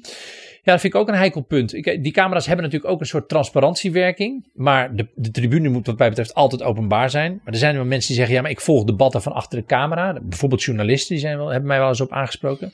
Maar ik zou zeggen, probeer die camera's te vertragen. Laat, ze bijvoorbeeld, laat de beelden gewoon niet gelijk beschikbaar zijn voor Twitter. Maar bijvoorbeeld 24 uur later, als het niet meer zo spannend is. Is, is een van de gedachten die ik opper. Ja, ja, Maar ja, dat is natuurlijk allemaal- hier moet ik toch misschien. Martin Bosma een beetje gelijk geven. Dat in de buurt van censuur komt. En bovendien, Waarom? als het 24 je, kunt uur... gewoon, je kunt gewoon op de Nee, openbare tribune plaatsen. Nee, maar als het 24 uur later beschikbaar komt, dan kunnen er alsnog filmpjes gemaakt worden. Ja, alleen dan is, dan, dan is wel dat directe, directe moment van, van uitvergroten is dan wel minder. Dus, maar goed, ik heb ook niet voor alles de perfecte oplossing. Maar ik, ik dacht wel van, die camera's en die telefoons, die hebben eigenlijk een werking die ervoor zorgt dat het debat op een hele andere manier gevoerd wordt dan je eigenlijk zou willen. Ja, er is trouwens nog een Dat ding. Wat in, u, u noemde straks eh, Hans van Mierlo. In zijn tijd, hij zei wel eens, en daar werd hij ook om geprezen. Als, als hem een vraag werd gesteld over een nieuw heikel onderwerp. Ja, dat weet ik niet hoor. Daar moet ik eens even over nadenken. Of ik wil eerst dat rapport wel eens lezen. Tegenwoordig, als er een rapport verschijnt. Dan kijkt een Kamerlid, kan ik het al van tevoren krijgen? Nou, als dat niet kan, dan zit hij op knopjes te drukken van staat hij al online, staat hij al online. Want eh, echt binnen een kwartier staat er een camera of een microfoon voor Ja. de neus. En dan moet er een eerste reactie komen. Ja. En de meeste Kamerleden, ook u destijds, deden daar aan mee. Zeker. Nee, die, die, die, die, die haast om als eerste eh, met een scherpe reactie te komen en bovenaan in het persbericht, bovenaan in het nieuwsbericht Ja, te komen. daar, is toch bijna, daar is toch bijna geen kruid tegen gewassen? Want als, als, als Ehm. u zegt als Kamerlid, stel u was het nog, kom over vijf uur maar terug. Dan heb je het misschien voor het, voor het avondnieuws nog. Ja. Ja, dan zijn er inderdaad al tien collega's geweest. En dan bent u uit het nieuws al Nou, die wat, er, wat er tegen te doen is, is dat partijen accepteren dat er ook Kamerleden zijn die niet elke avond op televisie zijn of in een persbericht bovenaan staan of heel zichtbaar zijn. Dus je moet ook accepteren dat je gewoon, je hebt misschien één of twee medialievelingetjes, maar je moet ook eh saaie en onzichtbare Kamerleden een, een plek geven in je partij. Dus u pleit eigenlijk nu tegen waar u ooit veel aan had. Namelijk toen was u koning nu.nl. Ja. En werd u op nummer vier van de Ja. Kamerlijst gezet. Vanwege uw veelvuldige aanwezigheid Ja. in de media. U zegt eigenlijk tegen partijen. Want de partijen moeten natuurlijk de komende tijd ook weer allerlei luisteraars samenstellen. Ja. Je kunt daar enigszins naar kijken. Maar laat het niet zaligmakend zijn. Nee, de, D66 had de Kees Verhoeven uit 2012 best wel iets lager op de lijst kunnen zetten. Ten faveur van een Kamerlid wat misschien eh, eh, heel goed was in bepaalde dossiers. Goed doorspitten en kijken wat er aan de hand is. In balans, de partijen gaan erover. Maar ik heb inderdaad wel eh, de conclusie getrokken dat als je alleen maar kijkt naar welk Kamerlid is, is, is voortdurend in beeld. eh, dat je dan eigenlijk creëert dat elk Kamerlid alleen maar in beeld wil zijn. En dus niet meer de inhoud in Ja, kan. we hebben op dit moment eh, ongeveer, ik zeg ongeveer, want dat kan elke week weer veranderen, ongeveer twintig fracties in de Tweede Ja, Kamer zitten. ja. Dat komt ook mede door die digitalisering. Hè? Want elk deelbelang, zou je kunnen zeggen, Ja. heeft tegenwoordig een, eigen stroming. Ja, je hebt een, eh, dat zijn eigenlijk, eigenlijk zou je kunnen zeggen dat de, de versnippering in de Kamer een vertaling is van de echokamers op internet. Als je het heel grof zegt. Dus elke partij pakt gewoon een eigen doelgroep die ze de hele tijd bedienen met allerlei boodschappen. Eh, en daardoor heeft elk, eh, elke partij ook een tweeling of een tweelingzusje of broertje. Hè? Dus de PvdA heeft ooit de SP gekregen. D66 heeft nu Volt ernaast. CDA heeft Boerenburgerbeweging ernaast. PVV heeft als het ware Forum voor Democratie ernaast. VVD heeft eh, Ja eh, eh, ernaast. GroenLinks heeft Partij van de Dieren ernaast. Dus Allemaal iedereen- net iets radicaler Ja. of net iets in de Ja. sfeer van jullie verlogenen een deel van waar jullie ooit voor precies, zijn. Precies, en, dus die, die kunnen, en die gaan dan aan de zijlijn staan. Hè? Dus de, de, de partijen die, die, die al wat langer meedraaien, die hebben dan een keer meegedraaid in de regering, hebben compromissen moeten sluiten, zijn daarop afgerekend. En dan komt de extreme variant en zeggen wij zijn de echte partij. En het voor. maakt het in feite, die digitalisering maakt in feite ook makkelijker om je af te splitsen als Kamerlid, want je hebt meteen publiek. Ja. Ja, er zijn eh, overigens wel Kamerleden die afgesplitst zijn waar je nooit meer wat van gehoord hebt. Maar eh, er zijn er ook een aantal die er echt in geslaagd zijn om een, een, een, nieuwe doelgroep te bereiken en zo een eigen partij weer op te zetten. Ja. Iets wat u ook aanbeveelt, en dat zal best veel moeite kosten in deze context. Lees als Kamerlid beter wetsteksten. En ook nog iets wat daar misschien aan voorafgaand. In de ministeries. Laat de ambtenaren ook af en toe bewindslieden intern tegenspreken. Ja. Want nu is het heel vaak gericht in een ministerie op het uit de wind houden van een minister voor problemen in de Kamer of met media. Ja. Er is natuurlijk ook een cultuur ontstaan. En die heeft te maken met die, met die scherpe kijk mij eens cultuur. Dat je ook heel graag een, een soort bewindspersoon eigenlijk wil afrekenen. Hè? Dus een afrekencultuur. Daar heeft de, de Raad van State, Rekenkamer hebben daar verschillende mensen hebben daar verschillende dingen over. Zeg maar er is een cultuur van we moeten die bewindspersoon eigenlijk maar wegsturen. En daardoor ontstaat er natuurlijk ook een soort afdekcultuur en een soort van laten we daar maar mee, mee bewegen. Terwijl je eigenlijk zou willen dat, dat het toegeven van fouten of het, of het tegenspreken van een, van een minister, dat het eigenlijk gewoon hoort bij het werk van een, van een ambtenaar. En dat er daardoor dingen worden voorkomen die anders gewoon doorgaan. Maar ja, dat is natuurlijk ook heel ingewikkeld, want je, ziet dat ook hier geldt dat het, het gedrag om, om ja te knikken en, en de minister van dienst te zijn door, door uh, eigenlijk een beetje mee, mee te werken, dat dat uh, positiever wordt geassocieerd dan de lastpak die altijd aan het zeuren is. Er is tegenwoordig een app, uh, notabene van de Tweede Kamer zelf, waarop je kunt zien hoe er gestemd wordt, onder andere bij moties. Ja. En van die apps maken Kamerleden Foto's. dan weer fotootjes, Ja. uh, waar, waarmee ze heel boos kunnen aantonen dat uh, toch een prachtig idee wat in die motie verwoord wordt, dat de meerderheid van de Kamer daar tegen heeft gestemd. En er staat precies aangegeven met Ja. groene blokjes en rode blokjes wie voor en tegen waren. Ja. En een gewone burger denkt dan, waarom heeft eh, misschien uw partij D66 daar tegen gestemd? Want wat daar staat, dat staat toch ook in het verkiezingsprogramma Precies. van D66? Ja, dan haal je dus een, een, een- een, een ja-nee stem over een motie haal je volledig uit de context. Want misschien is die motie al wel lang toegezegd. Of misschien is die motie eh, eh, eh, al lang, wordt die al lang uitgevoerd. Of misschien heeft een ander daar, daar al, al een, al een, een stap in gezet. Of misschien is het Kamerlid juist bezig met een hele slimme strategie. Dat het nu niet opportun is, maar over drie maanden wel. En dat Ja, het dan veel slimmer is om het te precies. doen. Het kan allerlei redenen zijn, maar dan haal je dus zo'n zo'n ja-nee groen-rood blokje haal je dus volledig uit de, uit de besluitvormingscontext en zeg je schandalig, eh, D66 stemt tegen zijn eigen Maar het had wel invloed op de wekelijkse fractievergadering. Want er waren wel eens van die moties waarvan je echt dacht, ja, dat is puur voor de bühne. Zij roepen nu iets wat al in gang gezet is, maar wat pas over een paar maanden bekend wordt. Of nou, wat dan ook. Of dit is eigenlijk gewoon zo overbodig, want dat heeft de minister in het debat al toegezegd. En dan hadden we de neiging om tegen te stemmen. Maar dan was er toch een soort gevoel. Ja, maar dan krijgen we gedonder op Twitter, weet je wel. Ik dacht zelfs dat eh, Pieter Omtzigt dat een keertje in een gesprek heeft gezegd. Ja, die twijfelachtige moties, daar stem ik vaak toch maar voor, omdat anders mijn achterban het niet begrijpt. Precies, en dan moet je dat weer gaan uitleggen. Dus dat is een afweging die je maakt. En eh, de VVD heeft echt wel een tijd lang de, eh, een soort vaste lijn gehad. Als een motie al toegezegd is door een minister. En dus toch nog eventjes een motie over het ingediend. Stemmen we per definitie tegen. Ik vond dat altijd wel een goede lijn van de VVD. Dat deze gewoon altijd. En dan kun je het ook wel uitleggen. Ja, u pleit ook in uw boek voor 200 Kamerleden in plaats van 150. Ja. Ja. Nou weet ik wel dat soms worden er van die oplossingen voorgesteld die dan door iedereen zaligmakend worden gemaakt. Zoals de kiesdrempel of 200 Kamerleden. Kijk, als je de cultuur houdt waarin elk Kamerlid bezig is met buitenkant en beeldvorming. Dan heeft 200 Kamerleden in plaats van 150 niet zoveel meerwaarde. Dus je moet daarnaast ook een aantal van de andere prikkels waar we het over gehad hebben natuurlijk wel veranderen. Dus je moet die scoringsdrang moet je een beetje wegnemen. En je moet zorgen dat wetgevingsverdieping wordt beloond. Maar als je dat doet, dan heb je met 200 Kamerleden wel een betere uh, uh, uh, aantal Kamerleden per 100.000 inwoners. Want daar scoort Nederland het allerlaagst op van Europa. en Nederland heeft het ook al heel lang niet meer verhoogd. Terwijl we wel iets van, ik geloof zelfs 7 miljoen mensen meer hebben dan, dan wanneer het voor het laatste keer verhoogd is. Dus we hebben wel een, echt een tekort aan Kamerleden. Maar alleen meer Kamerleden leidt niet tot oplossing. Nee. Um, we hebben het al vaker gehad in Betrouwbare Bronnen over het Kamervoorzitterschap. En wat de Kamervoorzitter doet en misschien zou, zou moeten doen. U zegt daar ook iets over in uw boek. Want u zegt, zodra de rechtsstaat aan de orde is in de Kamer en Kamerleden eigenlijk ja, een loopje nemen met de waarden die aan de rechtsstaat verbonden zijn, dan moet eh, de, de voorzitter echt heel streng optreden. Strenger dan tot nu toe vaak het geval is. Ja, je ziet dat er gewoon soms echt uh, dingen gezegd worden die echt in strijd zijn met de, met de rechtsstaat. En, en die er echt voor zorgen dat, uh, uh, ja, dat, ja, dat het debat echt een, een, een, een uitholling van de democratie oplevert. En op dat moment moet je, na een waarschuwing, wel durven zeggen van dit kan zo niet.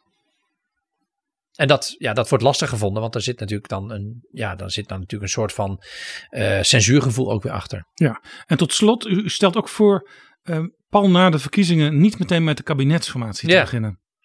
Ja, dat, dat, dat, in, mijn, in mijn boek heb ik natuurlijk aandacht voor uh, digitalisering en ik heb aandacht voor de politiek, maar ik heb ook aandacht voor de psychologie van de mens. En de psychologie van de mens is er heel erg op gericht om maar weer snel door te gaan. En, en, en als, als dat brein helemaal vermoeid is, dan gaan we eigenlijk slechtere beslissingen nemen. En als het brein heel erg uitgeput is, dan, dan, dan hebben we de neiging om bijvoorbeeld sneller af te gaan op oppervlakkige oordelen. Nemen we niet meer de ruimte om alle, alle factoren te wegen. Nou, dan dreig je in tunnelvisie te, te, dan, kom je, dan word je gewoon gevoeliger voor fouten. Nou, als er één moment is wanneer Kamerleden allemaal uitgeput zijn, op hun tandvlees lopen, dan is het na de verkiezingen. Als ze uh, maandenlang campagne hebben gevoerd. En wat we dan doen, is dat we de volgende dag al aan de formatie beginnen. En dat is in 2021. Het is, zelfs, het is zelfs zo snel dat er nog niet eens een nieuw beëdigde Tweede Kamer is. Dus in feite zijn er uh, een soort fantoomfractievoorzitters Ja. die dan de eerste gesprekken gaan voeren. Precies, en, en, en, en om, omdat iedereen een heel, ik heb het zelf van dichtbij ook gezien een paar keer, iedereen is dan zo uitgeput, dat ik zou zeggen neem, neem, een, neem een, een week of een, of een nou, we nemen even een tijd afkoelperiode. En dan weet ik heus wel dat er dan ook wel weer allerlei telefoontjes gepleegd zullen worden, moeten mensen allemaal zelf weten. Maar het feit dat we nooit even de rust, we hebben allemaal recessperiodes, maar dit is het moment dat ik zou zeggen, doe een, doe een formatiereces. Neem even rust om tot jezelf te komen voordat je aan die volgende stap begint. Mag ik er tot slot nog eentje aan toevoegen aan al die adviezen om de Kamer beter te laten functioneren? Het heeft ook een beetje te maken met die partijen die straks ook weer al die lijsten gaan samenstellen. Kamerleden zouden langer Kamerlid moeten zijn. Nou kan ik dat u niet kwalijk nemen. U Nee. hebt er elf jaar in gezeten. Ja. Dat, dat is eh, naar verhouding Ja. best lang tegenwoordig. Ja. Eh, maar je ziet vaak eh, tegenwoordig dat mensen er al na één, na één of twee perioden uitgaan. En dan soms ook uit moeten van hun partij. Want ze willen dan vernieuwen. Vervolgens krijg je de kiezer die ook weer gaat vernieuwen. Dus dan heb je een meerderheid van de Kamer soms die helemaal nieuw is. Ja, absoluut. En u was een goed Kamerlid, dat, dat mogen we wel zeggen, ook zeker na dit gesprek. Eh, maar in 2021, toen u vertrok, vertrokken nog drie andere Kamerleden die zich ook met digitale Ja. zaken bezig Ja, hielden. ja, ja. Katelijne Buitenweg bij GroenLinks, Jan Middendorp bij de VVD en Chris van Dam bij het CDA. En je kunt zeggen dat bijna het hele digitale geheugen van de Kamer toen weg was en opnieuw moest worden gevoed. Dat is ook slecht voor Ja. de democratie en Ja. zeker voor de controle. Ja, en ik, en ik dacht nog wel van, eh, dat we, we hadden toen die Gideonsbende gevormd in die commissie met, met Chris en Jan en, eh, en Katelijne. En ik dacht, ik, zij zitten er allemaal vier jaar in en ik zit er elf jaar in. Ik had mijn vertrek al aangekondigd als, als eerste al Dat zij het over 2019. konden En ik nemen. dacht, van, nou, die kunnen dan dat dan mooi overnemen. En, eh, maar die, op het, stuk voor stuk zei ze, begonnen ze zo, eh, ja, wij, wij gaan ook stoppen. Dus alle drie hebben ze maar één termijn gezeten. Ja, en soms is daar een in- in- individuele reden voor. Ja, maar prima. Soms is er ook gewoon de partij die zegt: eh, We hebben het wel gehad met jou nu. Ja, bij, bij, bij, bij, bij Chris was het wat minder zijn eigen wens. Bij Jan kan ik het niet helemaal beoordelen. En bij Katelijne had het ook weer te maken met de persoonlijke situatie, eh, volgens mij. Dus het is altijd een optelsom van factoren. En daar moet iedereen uiteindelijk zelf over beslissen. Maar het resultaat was Dat alle vier die, die, die trekkers van digitaal op, op, op 2021 eruit stapten. Uh, ik moet wel zeggen, VVD-Kamerlid Rijkowski, uh, Queenie, uh, maar ook Lise van Ginneken van D66. Maar bijvoorbeeld ook Denai van Weerdenburg van de PVV is altijd bij die debatten aanwezig. Even kleurenblind zijn, hè, want ik wil niet allemaal weer die, die politieke voorkeuren van mij. allemaal verschillende partijen hebben zo hun hun digitale kamer. Dus er zijn het wel Kamerleden die het goed ja, doen? Ja, vind ik wel. Ik vind de, de, commissie Digitale Zaken moet nog een beetje zoeken naar politieke scherpte. Maar dat is even gewoon de groei van zo'n commissie. Maar de, de, de, de, de leden van de commissie van verschillende partijen hebben het best wel goed overgenomen, vind ik. Ja. En laten we hopen dat zij ook naar dit gesprek hebben geluisterd en daar ook nog extra aansporing en boek even lezen. mee ondervinden. Net als jij, want jij hebt het echt dat boek ook helemaal gespeld. En voor de luisteraars, daar staan ook heel veel uh, beleidsmaatregelen in die uh, de bestaande wetgeving uh, beter kunnen maken en misschien ook wel weer aanleiding kunnen zijn voor nieuwe wetgeving. Kees Verhoeven, mag ik u hartelijk danken voor dit gesprek. Graag gedaan.